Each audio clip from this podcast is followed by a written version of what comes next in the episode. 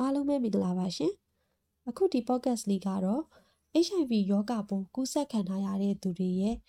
ဘဝနဲ့သူတို့ရဲ့စိတ်ခံစားချက်တွေကိုပုံပုံနားလည်စေနိုင်မှုရည်ရွယ်ပါတယ်ဒီကပါဝင်ဆွေးနွေးမဲ့သူတွေနဲ့မိတ်ဆက်ပေးလိုပါတယ်ကျမကတော့နေဤလွင်ဖြစ်ပါတယ်ဒီ podcast လေးမှာ moderator ဖြစ်ဆောင်ရွက်ပေးသွားမှာဖြစ်ပါတယ်ရှင်အားလုံးပဲမင်္ဂလာပါကျမတီဗီကျော်ပါမင်္ဂလာပါရှင်ကျမနာမည်မြင့်နိုးပွင့်ပါ ဆိုရင်ပထမဦးဆုံးအနေနဲ့ကျမတို့တွေ HIV ရောဂါပိုးကူးစက်ခံရတဲ့သူတွေရဲ့သူတို့ရဲ့ story လေးတွေကိုပေါ့နော်နားစီကြည့်ကြရအောင်ကျမအသက်15နှစ်ရှိပါပြီကျမကမွေးလာကလေးက HIV ပိုးရှိခဲ့တာပါကျမအသက်9နှစ်လောက်မှာကျမမှာ HIV ရှိနေကြောင်းသိခဲ့ရပါတယ်ကျမငယ်စဉ်ကလေးကဆေးတွေတောင်းနေခဲ့ရပေမဲ့ဘာကြောင့်တောင်းနေရမှန်းမသိခဲ့ပါဘူး ကျမအမေက ကျမရဲ့သွေးနဲ့ အချို့အရာတွေကို မထိဖို့ အခြားသူတွေကို မထိဖို့ ပြီးတော့ အခြားသူတွေ ကျမသွေးကို လာထိရင်လည်း ထိခွင့်မပြုဖို့ ပြောပြခဲ့ပါတယ်။အခုတော့ ကျမ ဆေးပုံမှန်တောင်းနေပါတယ်။ကျမ နေတဲ့ကောင်းနေပါတယ်။ကျမနဲ့ရွေးတူ အခြားတငယ်ချင်းတွေနဲ့လှုပ်တာတွေ မှန်သမျှကိုလည်း ကျမ လုံနိုင်ပါတယ်။ကျမမှာလည်းရီမန်းချက်တွေ ရှိပါတယ်။အဲ့ဒီရီမန်းချက်တွေကိုလည်းပြအောင် လုပ်သွားမှာပါ။ဒါက မွေးကလေးက ကူးဆက်ခံရတဲ့ case ပေါ့နော်။ အချို့လူတွေဆိုရင်မသိဘဲနဲ့ကိုကုခံလိုက်ရတာမျိုးလည်းရှိပါတယ်အဲ့ဒီအဖြစ်အပျက်လေးကိုလည်းနားစီကြည့်ပေးပါသမီးအသက်က15နှစ်ပါအခုကိုရင်တက်နေပါတယ်သမီးကအညာပါသမီးအသက်10နှစ်လောက်တုန်းကကားအက်ဆီဒန့်ဖြစ်ပါတယ်ကိုရီစီးလာတဲ့ကားကို brake ပေါက်သွားတဲ့ကားဝင်တိုက်တာပါသမီးမိသားစုတွေတိုင်ရန်ကမစိုးရိမ်ရပေမဲ့သမီးကတော့အရေးပေါ်ခေါ်ခဲ့ဝင်ရတဲ့အထိဖြစ်ပါတယ်တော်သေးတာကနေမြို့လေးမှာတိုက်နေစေုံရှိတော့ခွဲစိတ်ဖို့အရေးပေါ်ပြင်ဆင်ကြပါတယ် သွေးထွက်များနေတာကြောင့်သွေးလိုလိုမိသားစုကလည်းဆွေမျိုးနှိဆက်ထဲကစိတ်ချရတယ်လို့ထင်ရတဲ့ယောက်ျားသုံးယောက်ခေါ်လာပါတယ်။မိမေတို့လည်းသိပါတယ်။တချို့ပိုးတွေကဂျားကာလာထဲရောက်နေရင်စစ်လို့မပေါ်နိုင်သေးဘူးဆိုတာ။ဒါနဲ့ပဲသွေးလဲရသမီးခွဲစိတ်မှုလည်းအောင်မြင်ခဲ့ပါတယ်။ဒါပေမဲ့မနစ်ကသမီးကိုသွေးလှူခဲ့တဲ့ဦးလေးတယောက်ကအကြောင်းမျိုးမျိုးကြောင့်ဆေးစစ်ရင်းကနေသူ့မှာ HIV ပိုးရှိနေမှန်းသိရပါတယ်။မိမေတို့လည်းစိတ်ပူပြီးသမီးကိုစစ်ကြည့်တော့ HIV positive ပါပဲ။ ထူးကြတာကသမီးမှာရောအဲ့ဒီဦးလေးမှာပါဘာယောဂလက္ခဏာမှထူးထူးခြားခြားမပြတာပါပဲဆာဆာတီချင်းကတော့ထူပူပြီးဘာလုံးလို့ဘာကိုင်းရမှန်းမသိကိုရီဘက်ကမမှားပါပဲကားအစီဒန့်ဖြစ်ရတဲ့တစ်ဖက်ကိုလည်းစိတ်တွေးတူးကိုကိုကိုယောဂရှိမှန်းမရှိမှန်းမသိသွေးလူတဲ့လူကိုလည်းဒေါသတွေထွက်စောက်တီရမရဖြစ်ရတဲ့ရက်တွေပါပဲငါကူးမှငငယ်လေးရှိသေးတာငါလူညွန့်ချိုးတယ်ပေါ့နောက်တော့ ART ဆေးထောက်ပံ့ပေးတဲ့ NGO ဖွဲ့နဲ့တွေ့ပြီးဆေးဆက်တောက်ရပါတယ် ကိုရီနဲ့ဘဝတူတငယ်ချင်းတွေအများကြီးနဲ့လည်းဆုံရပြီးစိတ်တွေလည်းတဖြည်းဖြည်းပိုတည်ငြိမ်လာပါတယ်။ပြန်စဉ်းစားမိတာကအော်ငါအဲ့ဒီအချိန်သွေးအချိန်မီမရခဲ့ရင်သွေးထွက်လွန်ပြီးဆယ်နှစ်သမီးကလေးကတေးပြီ။မနစ်ကဆိုလဲအဲ့ဦးလေးသာအိမ်ကိုအကြောင်းမကြားရင်လဲငါလည်းဘလိုရီယောဂလက္ခဏာပေါ်ပြီးဘယ်အဆင့်လောက်ရောက်မှ HIV positive ဆိုတာသိမလဲမသိ။အခုသမီးနေကောင်းပါတယ်။ဆေးလဲပုံမှန်တောက်ပါတယ်။နေမြို့လေးကတေးတော့တရင်ကတော့ပြက်တာပေါ့နော်။ တချို့တငယ်ချင်းတွေကဖေးမပေမဲ့တချို့ကသမီးကိုတနာတဲ့မျက်လုံးနဲ့ကြည့်တာသမီးမကြိုက်ဘူးသမီးအမှားကျူးလွန်ထားတာဘာမှမရှိဘူးသမီးလိပ်ပြသမီးလုံးနဲ့သမီးမှအိမ်မက်တွေရှိတယ်အဲ့ဒါတွေအကောင့်ထဲဖော်ရမယ်ဝေးသေးတယ်ဆိုပေမဲ့ဖြစ်နိုင်မဖြစ်နိုင်မသိပေမဲ့သမီးကိုပိုင်မိသားစုလေးကိုလည်းတစ်ခါတစ်ခါစိတ်ကူးရင်ကြည့်သေးတယ်တည်သွားတာထက်ဆိုင်တော့အသက်ရှင်ခွင့်ရတော့လေးမှာကိုလှုပ်ရှားရှိရတွေဆက်လုပ်သွားရမယ်လို့ထင်တာပါပဲ။ ဒါဆိုရင်ကျမတို့ဒီမတူညီတဲ့ပေါ့နော်အဖြစ်ပြက်လေးနှစ်ခုကိုနားထောင်ပြီးတဲ့နောက်မှာအခြားအရာတွေမပြောခင်မှာ HIV AIDS ဆိုတာဘာလဲဆိုတာကို medical doctor တယောက်ဖြစ်တဲ့မတ်တီဒီကျော်ကရှင်းပြပေးထားပါတယ်နားစီကြည့်ပေးပါဦးနော် Human Immunodeficiency Virus အတူကောက်ကတော့ HIV ပေါ့နော်အဲ HIV ဆိုတာဒုက္ခနာကိုရဲ့ခုခံအားကိုကျဆင်းစေပြီး AIDS ဖြစ်စေတဲ့ virus ပိုးတစ်မျိုးဖြစ်ပါတယ် Acquired Immunodeficiency Syndrome AIDS ကတော့ခုခံအားကျဆင်းမှုကုသယောဂတနည်းဆိုရရင် AIDS ယောဂကိုဆိုလိုတာဖြစ်ပါတယ်။လူတစ်ယောက်ဟာ HIV ပိုးဝင်ရောက်ပြီးခံမှန်းခြေတစ်နှစ်ကနေ10နှစ်အထိကျန်းမာစွာနေနိုင်ပါတယ်။ဒါပေမဲ့တချို့လူတွေမှာပိုးဝင်ရောက်ပြီး3နှစ်နောက်ကစပြီးယောဂလက္ခဏာအသေးအဖွဲလေးတွေဖြစ်ပေါ်လာနိုင်ပါတယ်။ ပိုးဝင်ရောက်ပြီးရှစ်နှစ်ကျော်လောက်မှာတော့အခွင့်အရေးယူယောဂတွေအဆုအဝေးလိုက်ပေါ်လာပြီး AIDS ယောဂအဆင့်ကိုရောက်သွားနိုင်ပါတယ်။ဒါကြောင့် AIDS ဆိုတာ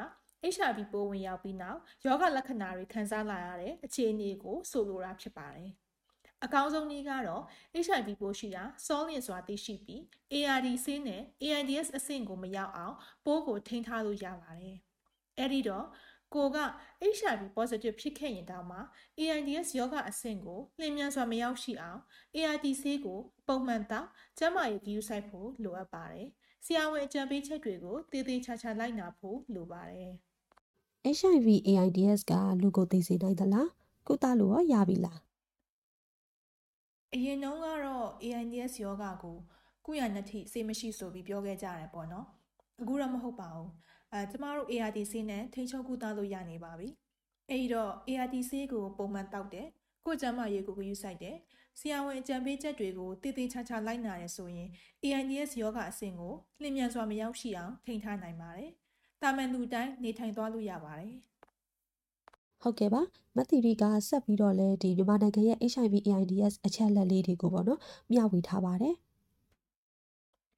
မြန်မာနိုင်ငံမှာလူဦးရေပေါင်း54တန်းကျော်ရှိပါတယ်။2019 UNAIDS data အရ2,400,000လောက်က HIV positive ဖြစ်နေပါတယ်။1000လောက်ကတော့အသက်14နှစ်အောက်ကလေးတွေပါ။လူပေါင်း9900လောက် AIDS ရောဂါနဲ့သေဆုံးကြရပါတယ်။ဒါပေမဲ့89ရာခိုင်နှုန်းလောက်ကတော့ ART ဆေးကုသမှုကိုခံယူနေကြပါပြီ။ ဆက်လက်ပြီးတော့ဒီ HIV ရောဂါပိုးကူးစက်ခံနေရတဲ့လူကြီးကလေးတွေအနေနဲ့ဘလို့ခံစားချက်တွေရှိကြလဲဆိုတာနဲ့ပတ်သက်ပြီးမက်မြတ်တို့ကအခုလိုပဲရှင်းပြပေးထားပါတယ်အများအပြည့်လေဒီလိုမျိုး HIV positive လို့သိလိုက်ကြတဲ့ကကာယကရှင်အများအပြားက acceptance ဆိုတဲ့ဒါလေးကိုပေါ့နော်လက်ခံဖို့အချိန်ယူကြပါတယ်ပထမတော့ကိုက HIV positive ဖြစ်တာကိုပေါ့နော်ကာယကရှင်တွေကတိတာနဲ့ကိုသူတို့တွေက မဖြစ်နိုင်ဘူးဒါကဟုတ်လို့လားသွေးစစ်တာအဖြေမှားတာဖြစ်လိမ့်မယ်ဆိုပြီးတော့ဒါကိုလက်မခံနိုင်တဲ့အခြေအနေပေါ့နော်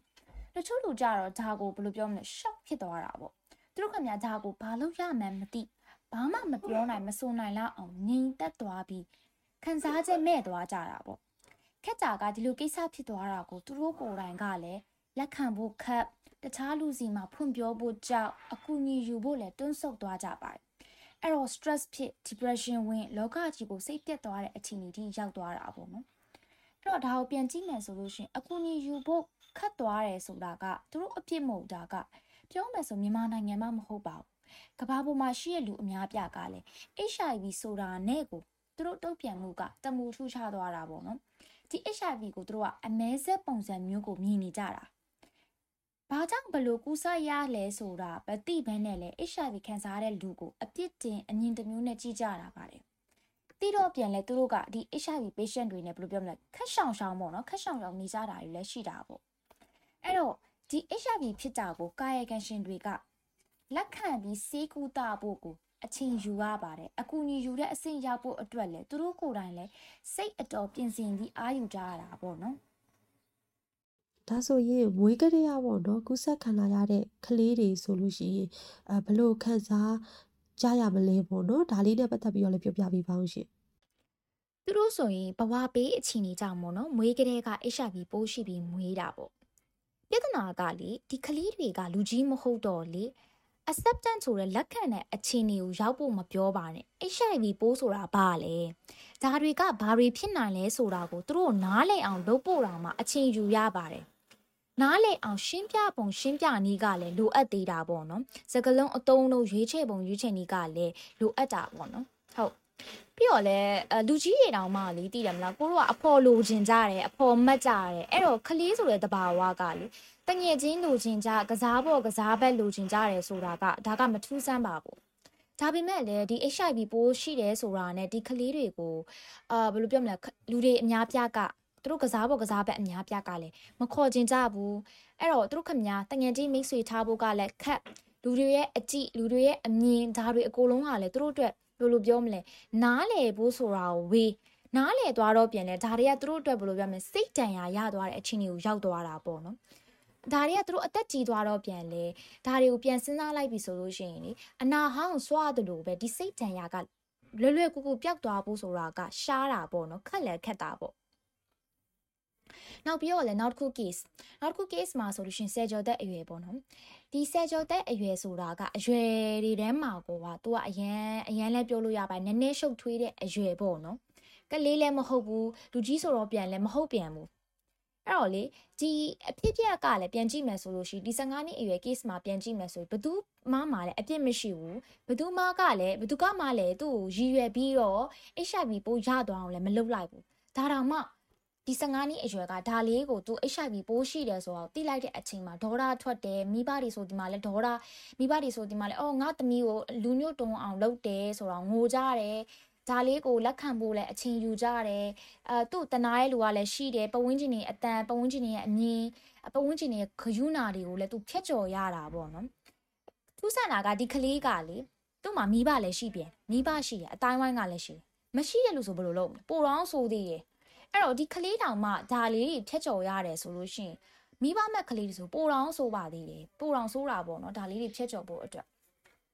အခုတော့ဒီကလေးကများဒါလေးကိုလက်ခံလိုက်တယ်လက်ခံလိုက်တဲ့အချိန်မှာသူအကူအညီယူဖို့အတွက်သူ့ကိုယ်တိုင်ကိုကခြေလန်းကိုစတင်လိုက်တဲ့အတွက်သူအကူအညီရသွားတယ်စေးလဲတောက်လာတယ်ကြမ်းလန်းကြမ်းမာနေရဆိုတော့လေဝမ်းတာပါတယ်ကြားရတာလေလေဟုတ်တယ်မလားအဲ့တော့အကြီးကပြောချင်တာတော့ လက်ခံလိုက်တဲ့အချိန်ကြီးရောက်သွားပြီဆိုလို့ရှိရင်ကိုဘိုးဝါကတမျိုးတမျိုးတစ်ပုံပြန်ပြောင်းလဲသွားပါတယ်။ဘာဖြစ်လို့ဆိုဒီ HIV Center ကမြန်မာနိုင်ငံမှာက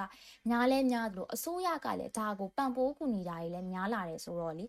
HIV သမားတွေ HIV ပိုးရှိရလူတွေပြောချင်တာကတော့လက်ခံလိုက်ပေါ့နော်။ကိုဖြစ်နေတဲ့ကိစ္စကိုလက်ခံလိုက်ပြီဆိုတာနဲ့ကိုကိုယ့်ရဲ့ဘဝတမျိုးတစ်ပုံပြောင်းလဲဖို့အတွက်အာကူညီမှုရသွားတာပေါ့နော်။ဟုတ်ကဲ့ပါရှင်ဟုတ်ဟုတ်ဟုတ်ကဲ့ပါ အခုလိုမျိုးဝင်မြပေးသွားတဲ့အတွက်မမြတ်နိုးကိုလည်းကျေးဇူးအများကြီးတင်ပါတယ်ရှင်။ညီကုန်းချုပ်အနေနဲ့မတ်တီရီကျော်ကအနှစ်ချုပ်ကလေးပြပြထားတာကိုဆက်လက်နားထောင်ကြည့်ရအောင်နော်อืมသွေးစစ်ပါကိုယ့်အတွက်ကောသူများတွေပါမထိခိုက်ဖို့အတွက်ကောသွေးစစ်ပါကျမရင်ဝင်ကြီးဌာနရဲ့ National AIDS Program ခုခံကြကာလာတာတိုက်ဖြတ်ရေးဌာနတွေမှာအခမဲ့သွေးစစ်လို့ရပါတယ် HIV ပိုး positive ဆိုတာသိသွားလို့ရှိရင်အကူအညီရယူပါဆရာဝန်နဲ့ပြပါ positive ဖြစ်ခဲ့တယ်ဆိုရင်လည်းနှစ်သိမ့်ဆွေးနွေးပညာပေးမှုတွေလုပ်ပေးပြီး HIV ပိုးကိုထိန်းချုပ်နိုင်တဲ့ ART ဆေးတွေကိုသက်ဆိုင်ရာကျန်းမာရေးဌာနတွေကနေထုတ်ယူလို့ရအောင်ဆက်လက်စီစဉ်ပေးပါတယ်။ဆေးတောက်ပါဆေးစားတောက်ပြီဆိုတာနဲ့ပုံမှန်တောက်ပါကျန်းမာရေးကြီးဆိုင်ဖို့လိုအပ်ပါတယ်။ကျန်းမာဆေးတွေအစားအစာတွေပုံမှန်စားသုံးပေးပါဆရာဝန်ကြံပေးချက်တွေကိုတည်တည်ချာချာလိုက်နာဖို့လိုပါတယ်။လူကြီးတွေတောင်နှစ်သိမ့်ဆွေးနွေးပညာပေးမှု counseling တွေအသေးချာလုပ်ကြရပါတယ်။ ကလေးတွေဆယ်ကျော်သက်တွေဆိုပို့ပြီးတော့တောင်လိုအပ်ပါသေးတယ်။နားဆင်ပေးခဲ့ကြတဲ့တဦးတယောက်ချင်းစီကိုလည်းကျေးဇူးအများကြီးတင်ပါတယ်ဒီ podcast လေးက HIV ရောဂါပိုးကူးစက်ခံထားရတဲ့သူတွေရဲ့ဘဝနဲ့သူတို့ရဲ့ခံစားချက်ကိုနားလည်ပေးနိုင်မှုတစ်ဖက်တစ်လမ်းကအထောက်အကူပြုမယ်လို့လည်းမျှော်လင့်ပါတယ်ရှေ့ဆက်ပြီးတော့လည်း counseling နဲ့ပတ်သက်တဲ့အကြောင်းအရာတွေ psychosocial support နဲ့ပတ်သက်တဲ့အကြောင်းအရာလေးတွေကိုဝင်ပြပေးသွားမှာဖြစ်လို့ဆက်လက်စောင့်မျှော်နားဆင်ဖို့လည်းဖိတ်ခေါ်ချင်ပါတယ်ရှင်